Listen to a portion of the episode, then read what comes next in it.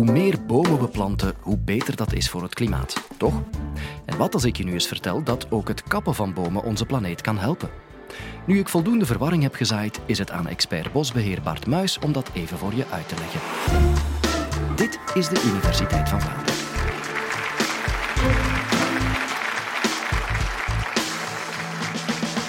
Bomen en bossen zijn enorm belangrijk voor ons mensen. Ze zijn belangrijk voor de fauna en flora, om onze lucht te filteren, om ons water te zuiveren, om ons te voorzien van die mooie hernieuwbare grondstof hout, om te ontstressen in dat bos.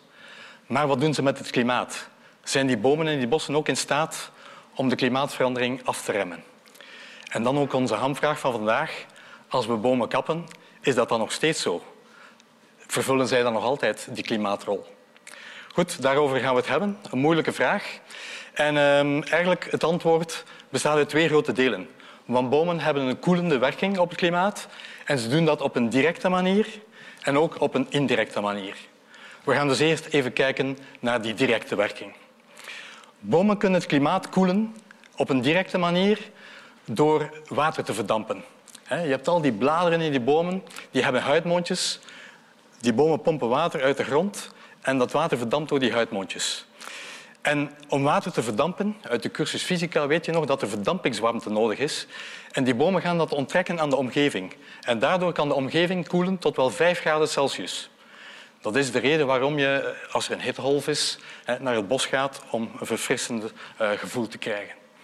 En bomen doen dat efficiënter dan andere planten, want ze hebben meerdere lagen blaadjes boven elkaar. En de wortels gaan ook dieper in de grond, zodat ze meer water kunnen opnemen. Dus bomen koelen meer dan andere planten. En grote bomen gaan ook meer koelen dan kleine bomen. Want grote bomen hebben meer lagen uh, blaadjes dan kleine bomen en de wortels reiken ook dieper. Dus om onze steden klimaatvriendelijk te houden, moeten we in de toekomst meer bomen gaan planten. En we moeten vooral ook de grote, dikke bomen houden. Dus niet zoals sommige uh, stadsbesturen doen, bij elke wegeniswerk die oude bomen kappen en opnieuw beginnen met nieuwe bomen. We moeten die oude bomen zo goed mogelijk proberen te behouden. Nu, ik zie al mensen eh, op een stoel schuifelen van oei, maar uh, bomen kunnen soms ook wel eens uh, opwarmen. En inderdaad, in heel specifieke omstandigheden kunnen bomen uh, ook opwarmen. Met name in de streken van de wereld waar heel veel sneeuw ligt, zoals het hoge noorden en in de bergen. Daar vinden we naaldbomen en die hebben een heel donkere kleur. En daarmee gaan ze uh, het zonlicht minder uh, weerkaatsen dan de sneeuw. En zo is er meer zonlicht, meer warmte die in de atmosfeer blijft. En dus kunnen bomen ook wel een warmend effect hebben. Maar dat is alleen in die sneeuwrijke gebieden. En door klimaatverandering worden die sneeuwrijke gebieden elk jaar kleiner, zodat dat effect niet zo groot is. Dus als we even samenvatten het directe effect van bomen op koeling, in de tropen en in onze streken is er een heel duidelijk sterk effect, een koelend effect van bomen op het klimaat. Laten we ons nu eens even hebben over de indirecte werking. Dat gaat via de fotosynthese. De meeste van jullie hebben nooit geleerd wat fotosynthese is. Het is het proces waarbij uh, bomen en andere groene planten via de uh, bladgroenwerking, de groene bladeren, die nemen CO2 uit de atmosfeer op en die gaan dat omzetten in suikers. En ze stellen ook uh, zuurstof vrij. Nu, um, door het feit dat ze CO2 uit de atmosfeer opnemen, gaan ze een koelend effect hebben. Want CO2 is een broeikasgas en dat draagt bij tot de klimaatverandering. Dus door fotosynthese nemen we CO2 uit de atmosfeer op en treedt er een koelend effect op. Maar de omgekeerde reactie, die van respiratie, die treedt ook op. U ziet de pijl omkeren en in de natuur gaat er dus ook CO2 en water vrijgesteld worden doordat suikers, zetmeel enzovoort kunnen afgebroken worden met verbranding in aanwezigheid van zuurstof. En daar komt energie bij vrij. Dus die omgekeerde reactie van respiratie is ook mogelijk.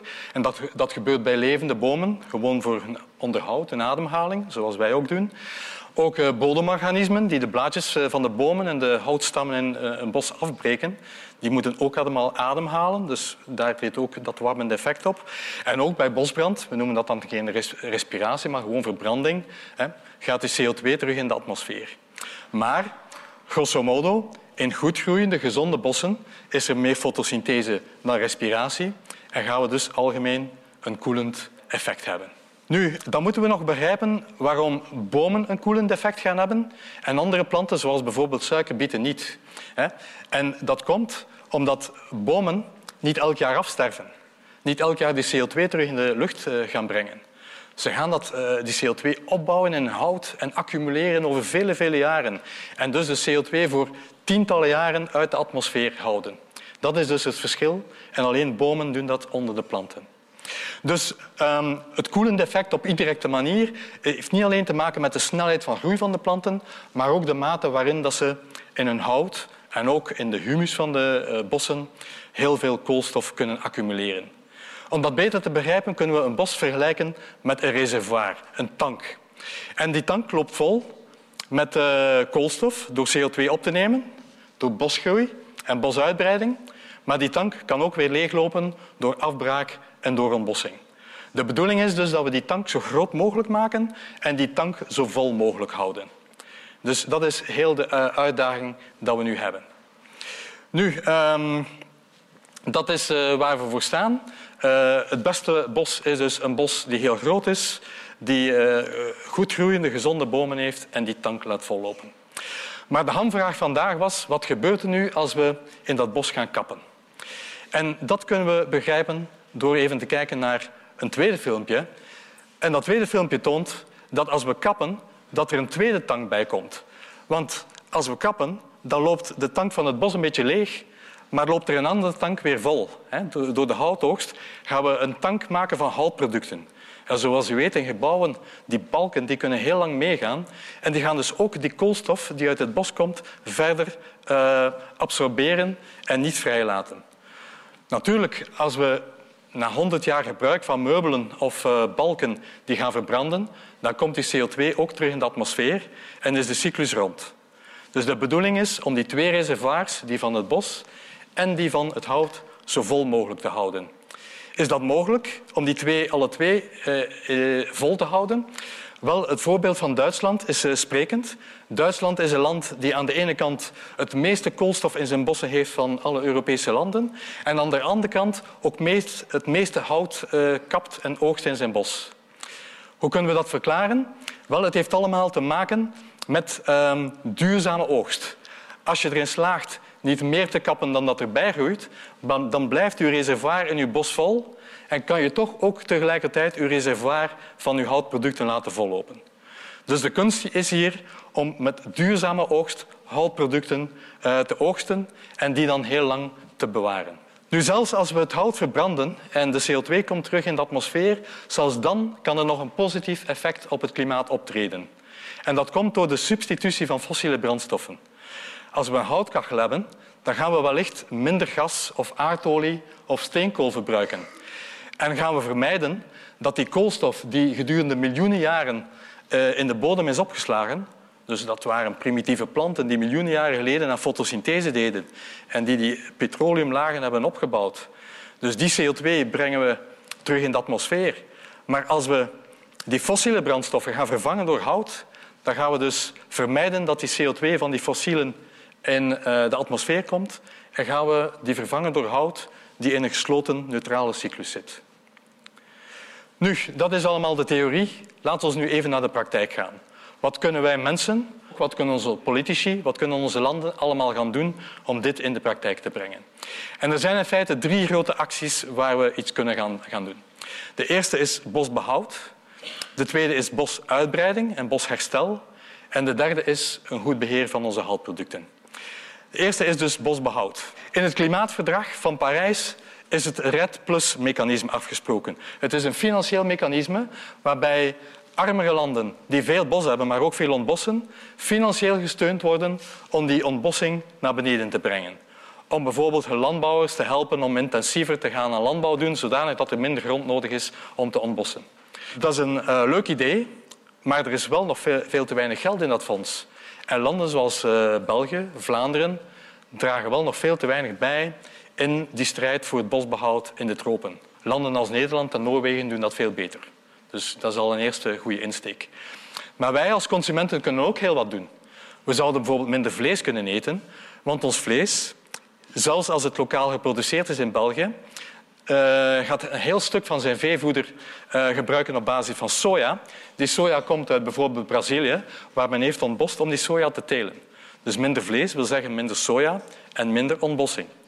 Wat we ook kunnen doen, is uh, voedselproducten kopen, uh, koekjes om maar te zeggen, met palmolie, waarop staat dat dat Rainforest Alliance is. Gegarandeerd niet uit recente ontbossing. Hetzelfde voor chocolade, koffie, noem maar op. En dus we kunnen ook heel wat uh, zelf doen. Nu, uh, aan de bosbranden die jaarlijks uh, toenemen in Indonesië en het Amazonewoud, Brazilië, zien we dat het niet zo eenvoudig is. Want er zijn sterke krachten, belangen, mijnbouw, intensieve landbouw, um, die in feite het, het, bos liever zien verdwijnen. Dus er is heel wat politieke moed nodig om daar ook iets aan, aan te doen. Maar ook hier bij ons in Vlaanderen. In Vlaanderen is er nog steeds meer ontbossing dan er bos bij komt.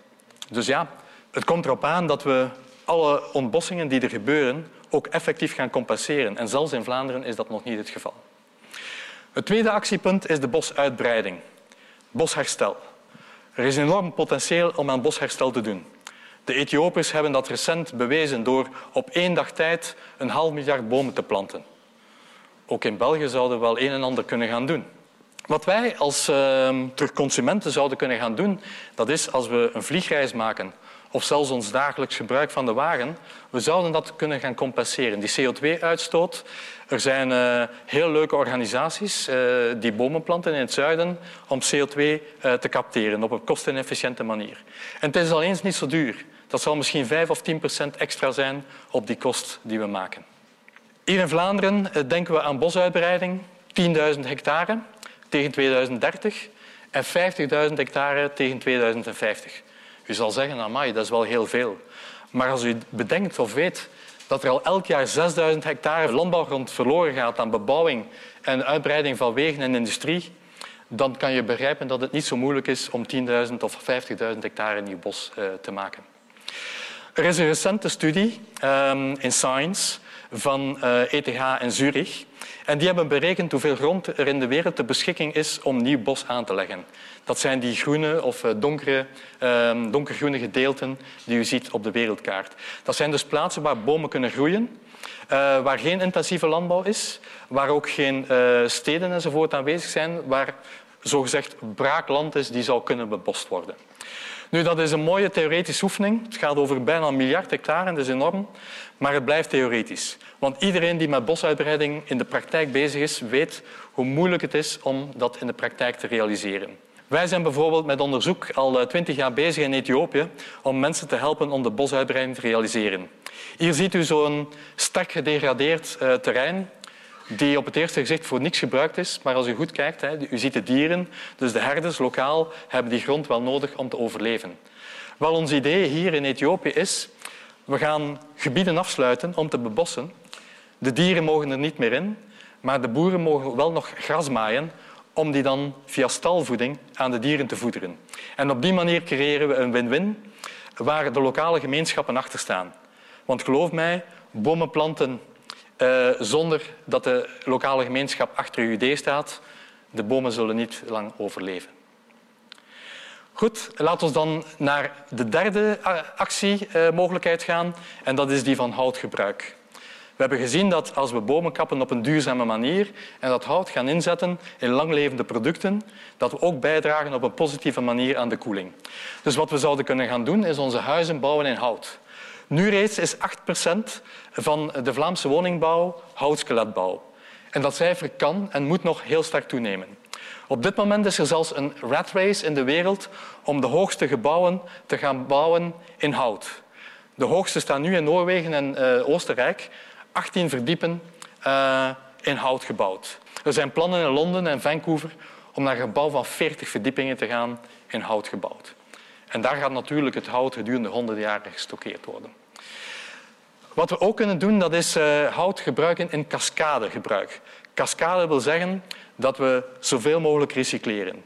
En papier bijvoorbeeld kan zes keer gerecycleerd worden. Ook hout en balken kunnen we gaan recycleren tot uh, spaanplaten of nog eens in andere balken van kleinere dimensies. Er zijn heel veel mogelijkheden in dat uh, cascadegebruik. Hout voor energie, niks verkeerd mee, dat hebben we gezien. maar dat heeft zijn limitaties. Eh, we kunnen nooit alle fossiele brandstoffen vervangen door hout. Er is gewoon te weinig hout. Maar wat we wel zouden kunnen gaan doen, dat is ehm, de petrochemie. In Antwerpen is de petrochemie heel belangrijk voor het maken van plastics en geneesmiddelen en uh, fijnchemicaliën. Dat zouden we allemaal met hout kunnen doen. En daar hebben we alleen niet zoveel hout voor nodig. Wat we duurzaam in West-Europa eh, produceren is meer dan genoeg om de volledige petrochemie van Antwerpen met duurzaam geproduceerd hout te produceren. Laten we nu even samenvatten wat we geleerd hebben. Um, bossen hebben een heel sterk koelende werking. Ze zijn heel kostenefficiënt om dat te doen. En we hebben ze echt wel nodig om binnen de 2 graden Celsius te blijven met die klimaatverandering. Op onze hamvraag van vandaag, red je het klimaat door bomen te kappen, kunnen we dus positief antwoorden, maar onder de strikte voorwaarde dat dat hout uit duurzaam beheerd bos komt en dat we het gebruiken in uh, duurzame uh, toepassingen die lang leven en die op het eind ook nog een energierecuperatie hebben. Ik dank u. Duurzaamheid is het sleutelwoord. Dat moet ik onthouden. En die kettingzaag, tja, die zal ik dan ook maar even laten liggen, denk ik. Je kan in elk geval doorklikken naar onze volgende podcast. Daarvoor werden zeker geen bomen geveld.